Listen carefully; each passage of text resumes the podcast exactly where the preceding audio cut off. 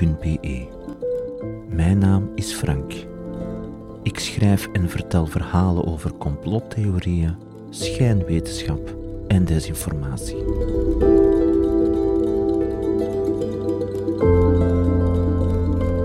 Het eerste deel van deze reeks ging over de 16e eeuwse taalvorser Johannes Gropius Becanus.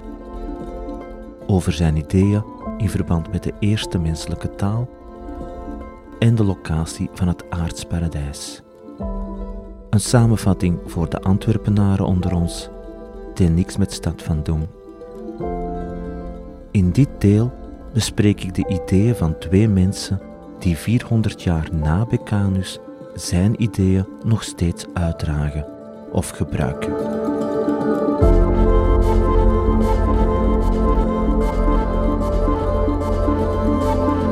Willem Hietbrink werd geboren in 1943.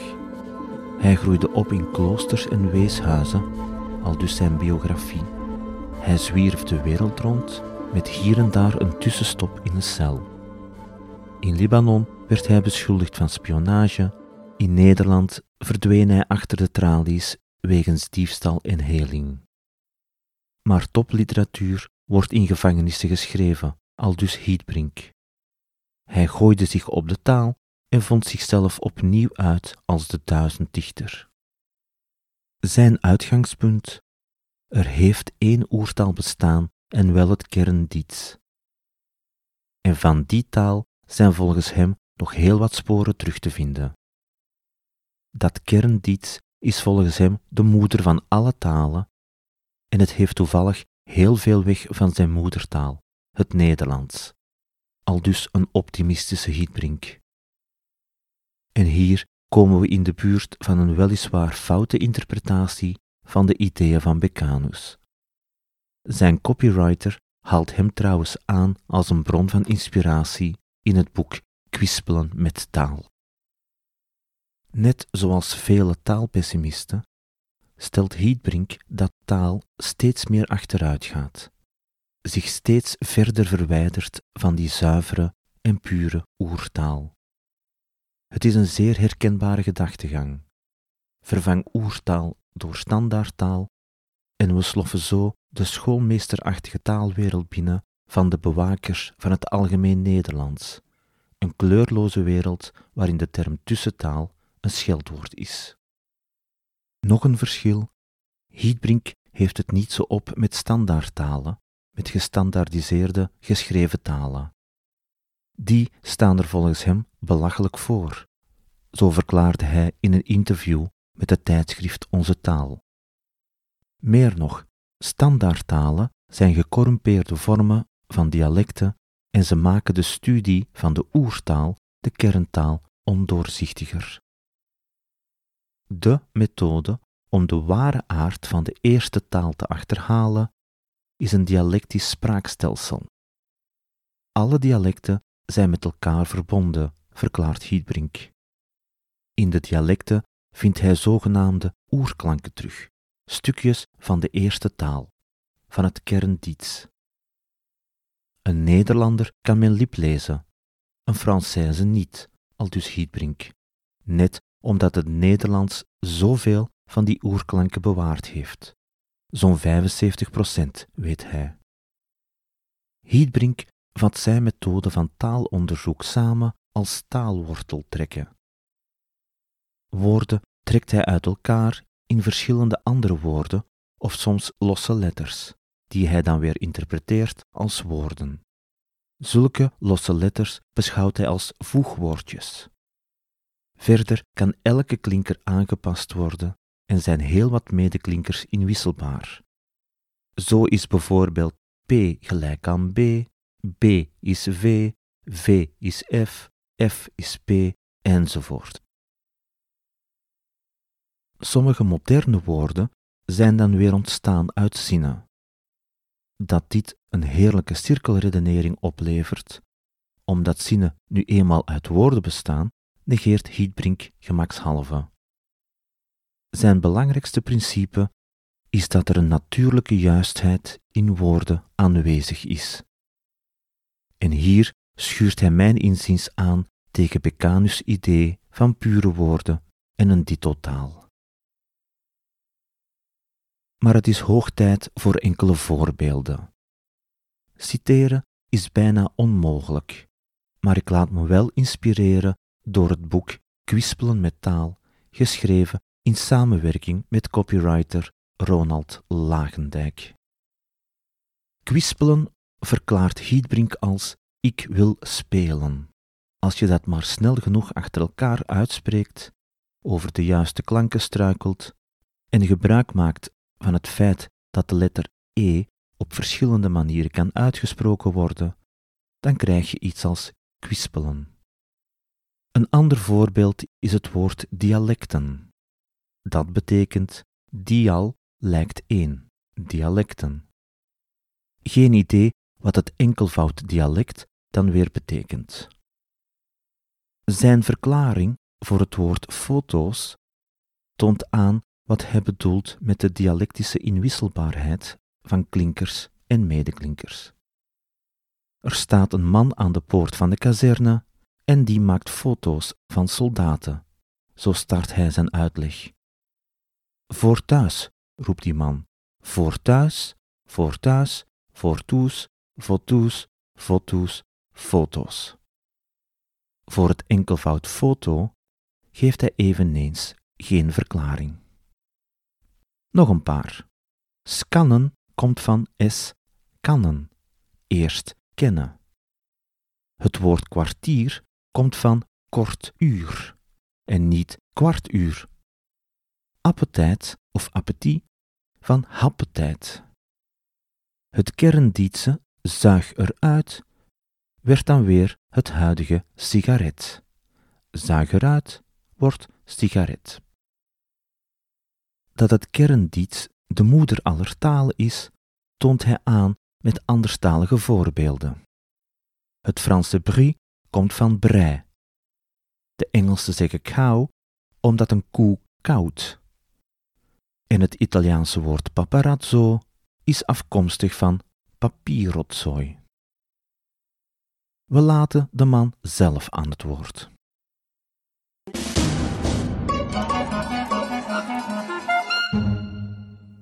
Film. Je ziet dat het woord compact is, maar elk woord was vroeger een hele zin. Want wat gebeurt er om film te bewerkstelligen? Dan moet je voor de felle lampen. Film. Film. Er komt nog een P tussen. Voor de felle lamp. Voor de felle lampen. In het felle licht. Fellamp. Fellamp. Film. Film. Gaat dat te ver? Is dat te moeilijk? Doe je ogen nu eens dicht. Nu. Nou zie je alles zwart. Dus het licht bepaalt ook de kleuren. Dat is bewijs.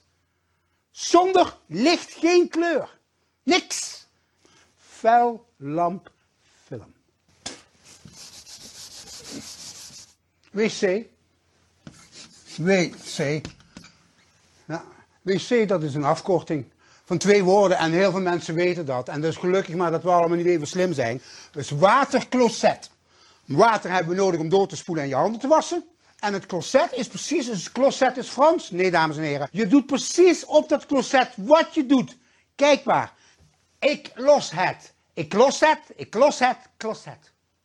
Latrine, laterine. Hetzelfde woord. Alsjeblieft, dames en heren.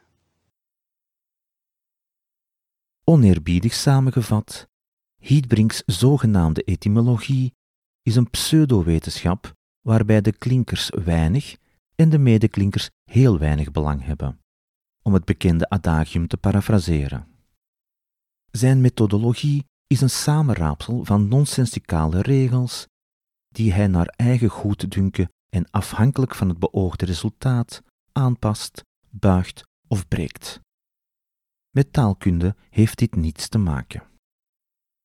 Hietbrink laat zich graag inspireren door 16e-eeuwse en vroeg 17e-eeuwse taalvorsers, zoals Johannes Gropius Becanus, maar ook een Simon Stevin, woordenboekmaker Cornelius Kiliaan en Hendrik Laurensson Spiegel, auteur van de eerste Nederlandse grammatica, tweespraak van de Nederduitse letterkunst. Stuk voor stuk zijn dit taalkundige wegbereiders die in hun tijd vooruitstrevend werk verrichten, maar die naar moderne normen niet verder kwamen dan amusante volksetymologie.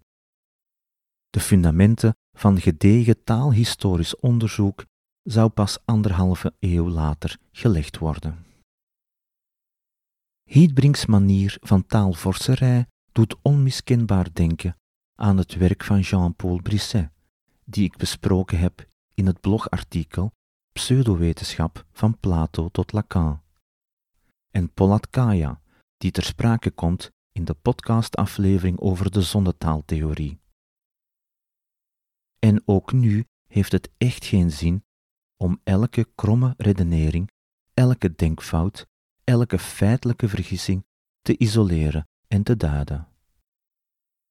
Maar dat hoeft ook niet. Hiedbrings verklaringen zijn hoogst creatief en inventief. En in beperkte dosis hebben zij een zekere amusementswaarde. Vandaar dat hij in 2007 een rubriek kreeg in de Nederlandse versie van het televisieprogramma Man bij het hond, namelijk Hiedbrinks taalles. Nonsensicale theorieën komen zelden alleen. Sinds 2006 houdt Hiedbrink zich intensief met het eiland Texel bezig, dat volgens hem een overblijfsel van Atlantis is. Verder is hij een van de weinigen die het Oeralinda-boek accepteert als authentiek. Oeralinda vertelt over de essentiële bijdrage van de Friese aan het begin van de westerse beschaving. Het geschrift werd vroeger beschouwd als een vervalsing, maar hedendaagse onderzoekers spreken eerder over een mystificatie zonder kwade bedoelingen. De alternatieve geschiedenis van Oeralinda combineert Hiedbrink dan weer met andere stukken pseudogeschiedenis. Bijvoorbeeld het idee dat Troje in Engeland lag en dat de hoofdrolspelers onder andere ook uit Zeeland kwamen. En dat is een idee van de Nederlandse econoom Imaan Jacob Wilkens. Matthijs van Boxels term morosofie beschrijft nog het best de ideeën van Hiedbrink. Waangeleerdheid, waanwetenschap. Tenminste, als men de notie domheid erbuiten houdt en de nadruk legt op de idee dat morosofieën vaak zo bizar en ongerijmd zijn dat ze wel haast literaire kwaliteiten krijgen.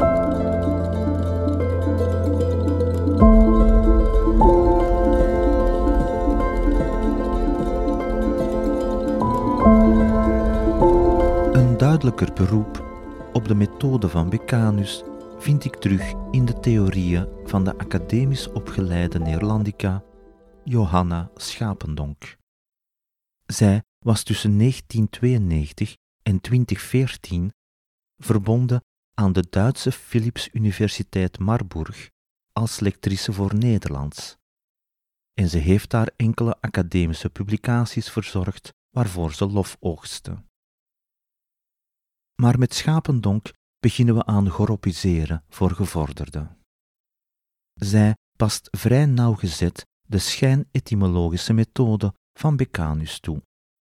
Net zoals de 16e-eeuwse vorser gaat ze op zoek naar pure woorden. Woorden die uit meer dan één lettergreep bestaan, trekt ze uit elkaar en die lettergrepen brengt ze dan in verband met andere woorden. Verder ziet ze er geen graad in om letters willekeurig te vervangen, in te voegen of weg te laten.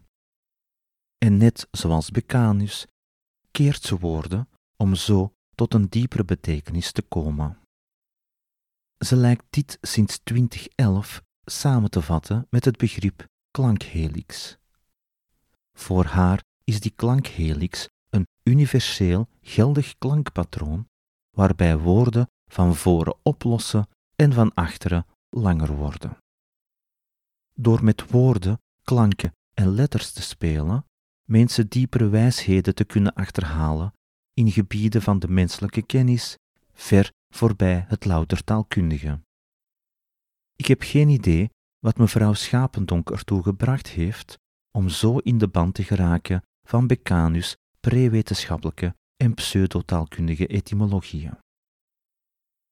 Vooraleer ik voorbeelden geef, voor de podcast citeer ik niet letterlijk uit haar werk.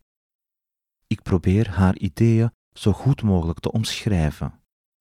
In het transcript van deze aflevering vindt u dan weer het letterlijke citaat waarop ik me gebaseerd heb. Hou u vast. Het woord madame komt van M en Adam.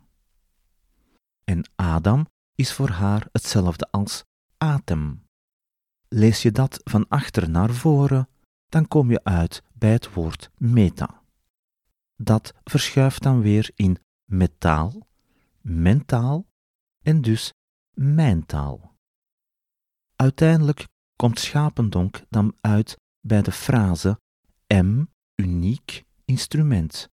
Mijn uniek instrument. Met andere woorden, wat ooit begon als madame of M. Adam, is eigenlijk een uniek instrument waarmee ze het verleden kan reconstrueren. Haar naar eigen zeggen correcte interpretatie van de methode van Goropius Becanus geeft haar diepere inzichten in, ja, in wat niet.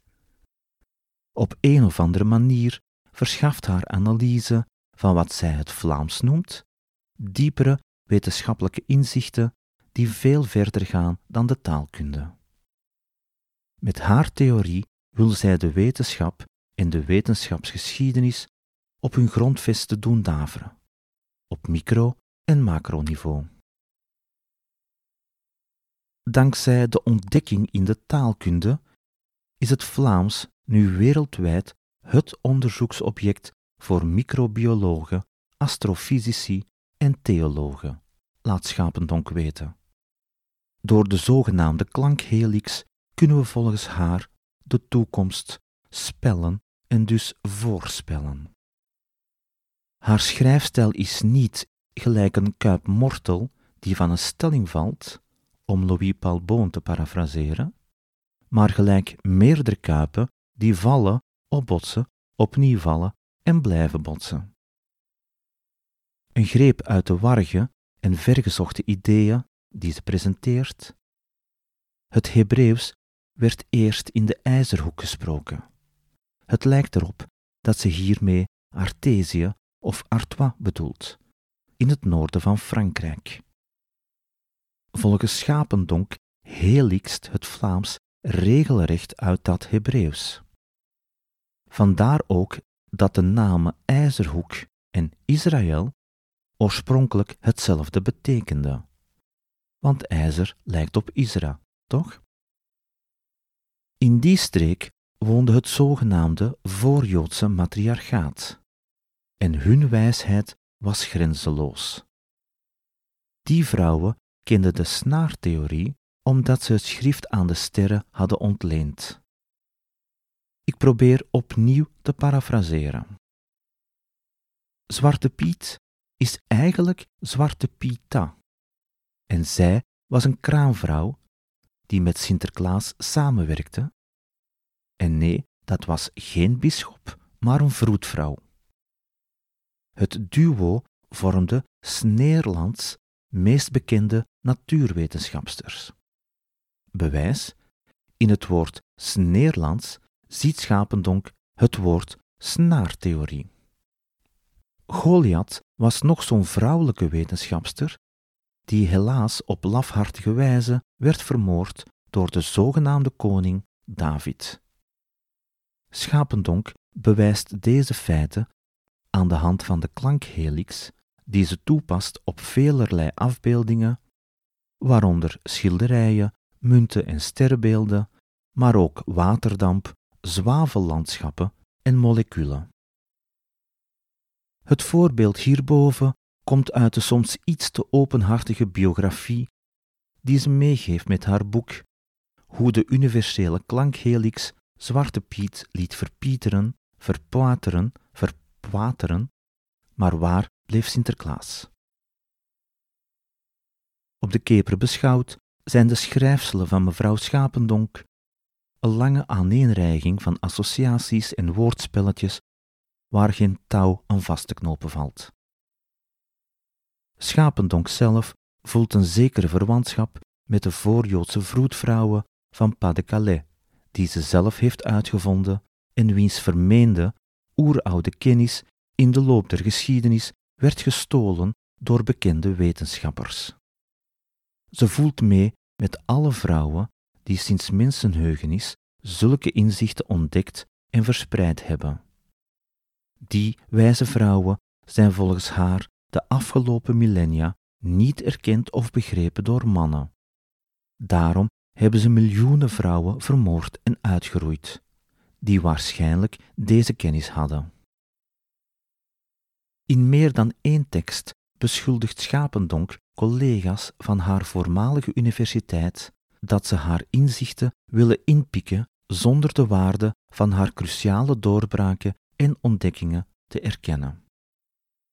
Schapendonk lijkt er maar niet in te slagen om haar theorieën te scheiden van haar professionele en persoonlijke problemen. Verstandige mensen vallen voor gesofisticeerde vormen van nonsens, aldus professor Johan Braakman. Soms creëren ze die ook. Helaas zijn de incoherente online teksten, waarin ze haar werkmethodes en resultaten schetst, niet meteen verkoopsargumenten voor haar te dikke en te hoog geprijsde boeken. En ook dat heeft ze in zekere zin gemeen met Johannes Goropius Beccanus.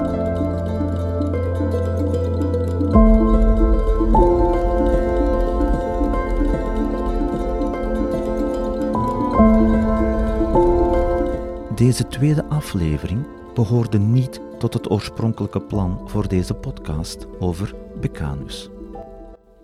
Hietbrink was mij als Belg onbekend en ook Schapendonk ben ik op zeer toevallige wijze op het spoor gekomen.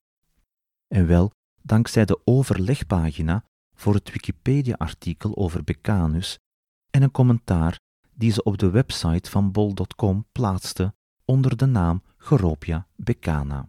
En meer bepaald een reactie op het boek Johannes Geropius Beccanus, Brabants arts en taalfanaat, de biografie door Frederik en Van Hal. Maar dit staartje krijgt nog een staartje. De geschriften van de Neerlandica Schapendonk zijn, om het voorzichtig uit te drukken, aan de verwarde kant. En ik had nooit gedacht dat ik medestanders van mevrouw Schapendonk zou vinden. Maar dat was gerekend buiten de heren van de studiekring Eerste Millennium of SEM. Zij lijken haar werk aan te prijzen, althans op het eerste zicht. SEM is een verzameling geschiedenisrevisionisten die zich concentreren op de lage landen in de periode van 1000 voor Christus tot 1200 na Christus. En die onder meer voortborduren op de alternatieve ideeën van de Nederlandse archivaris Albert de la Haye, die gestorven is in 1987. Deze man verdient op termijn zeker een eigen blogartikel, maar in deze context volstaat het om te melden dat hij tegen de consensus in belangrijke gebeurtenissen uit die periode plaatste in Frans-Vlaanderen en niet in wat nu Nederland heet. Vaak deed hij dat op basis van niet geaccepteerde interpretaties van Latijnse of gelatiniseerde plaatsnamen. Een voorbeeld is hier op zijn plaats. Noviomagus was een van de vele plaatsen waar de rondreizende Karel de Grote een palts, een verblijf had laten bouwen. Volgens de La Haye zou die naam niet verwijzen naar Nijmegen, zoals algemeen wordt aangenomen, maar naar het Franse Noyon, ergens tussen Amiens en Reims. De mensen van Sem draaien er hun hand niet voor om te verwijzen naar bekende revisionisten en chronologiecritici zoals Heribert Illich en Anatoly Fomenko. Tenminste, als het hen uitkomt en als het hen helpt om twijfel te zaaien. Ze behandelen met andere woorden niet alleen de inhoud van Illich's en Fomenko's dubieuze theorieën, maar vooral ook de opgeklopte controverse en de afwijzing van hun pseudowetenschappelijke benaderingen door gevestigde historici. Illich en Fomenko heb ik trouwens besproken in de podcast over het verzonnen wereldrijk Tartaria. Sem-medewerker Feikema zal niet veel later dan november 2014 een boek schrijven over Karel de Grote, met tal van verwijzingen naar de waantheorieën van Illich. In 2014 wijde Ad Maas in Semafor, het blad van de studiekring, een artikel aan Schapendonks penibele situatie in Duitsland. En meer bepaald haar ontslag als lector aan de UNIF. Hij vat de problemen op een wel zeer merkwaardige en uiterst selectieve manier samen. Wat de inhoudelijke kant van de zaak betreft, schrijft hij, gaat het om de vraag of de taalwetenschap van Goropius Becanus in het onderwijs aan de universiteit een plaats kan hebben, aldus Maas. Maas is duidelijk geen taalkundige, maar nee, daar ging het toen natuurlijk niet over. Het zou jammer zijn mochten de voorwetenschappelijke bespiegelingen en woordafleidingen van een Becanus niet meer gedosseerd kunnen worden. Mocht er in een aula van een UNIF niet meer gewezen mogen worden op de overeenkomsten en verschillen tussen de methode van Plato en die van Jan uit Gorp. Maar dat is helemaal iets anders dan aanleren dat de Joden ontstaan zijn in Norpa de Calais, dat voorjoodse vroedvrouwen de snaartheorie kenden, dat bepaalde begrippen uit andere geheeligst worden, en dat dat kan aangetoond worden dankzij het schijnetymologisch gemijmer van een 16e-eeuwse taalonderzoeker. Natuurlijk zoomt de schrijver van het stuk niet al te scherp in op de inhoudelijke aspecten van Schapendonks warge en nonsensicale theorie, op de bijna koortsige aaneenschakeling van pseudo-taalkundige associaties. Het is opvallend hoe Ed Maas dat allemaal misleidend reduceert tot een louter taalkundige aangelegenheid. Het gaat Maas dan ook niet over Schapendonks theorie, maar over de manier waarop een zogezegd dissidente stem, wars van de inhoud, de zaak van Sem kan verder helpen. En dat schrijft hij ook. Uiteraard, al dus Atmaas, neemt Sem daarbij in acht dat het werk van Schapendonk gezien kan worden als een zekere ondersteuning van opvattingen van Albert de Lahaye. Op welke manier de onzin van Schapendonk de onzin van de Lahaye ondersteunt, laat de auteur dan weer onbesproken. De echte aap komt evenwel uit de andere mouw. De inhoudelijke vaagheid van de SEM-auteur dient nog een ander doel. In de wijze waarop Schapendonk aangepakt wordt, aldus Maas, is veel herkenbaar van andere onderzoekers en auteurs die afwijkende visies te berde brengen. En daar gaat het hem om: het legitimeren van onderzoekers die bij gebrek aan zinnige bewijzen en argumenten een beroep doen op de troop van de onderdrukkende universiteit.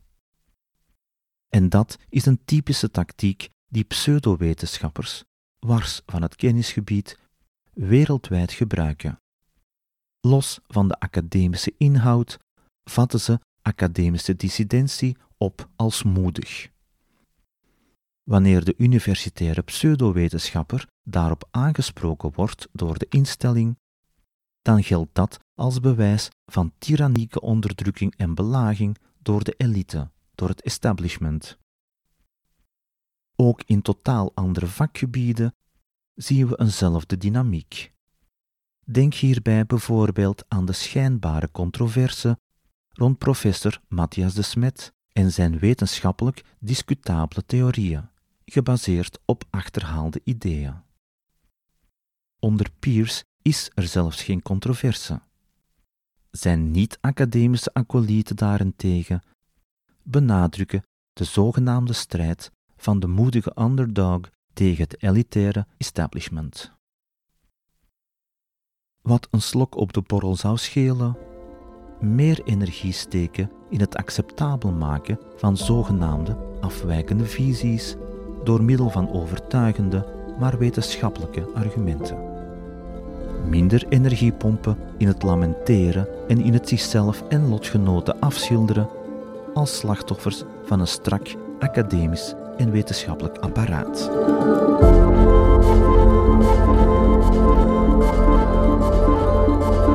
Jan van Gorps tomeloze geestdrift voor de ontluikende geesteswetenschappen is bewonderenswaardig.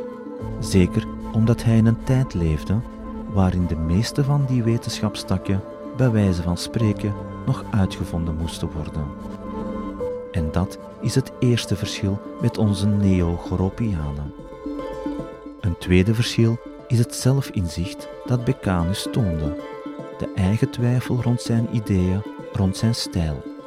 Dat uitte zich onder meer in het voornemen om zijn denkwerk te herzien, in het oké, wat vage plan voor een tweede, herziene druk. Die kans heeft hij helaas nooit gekregen.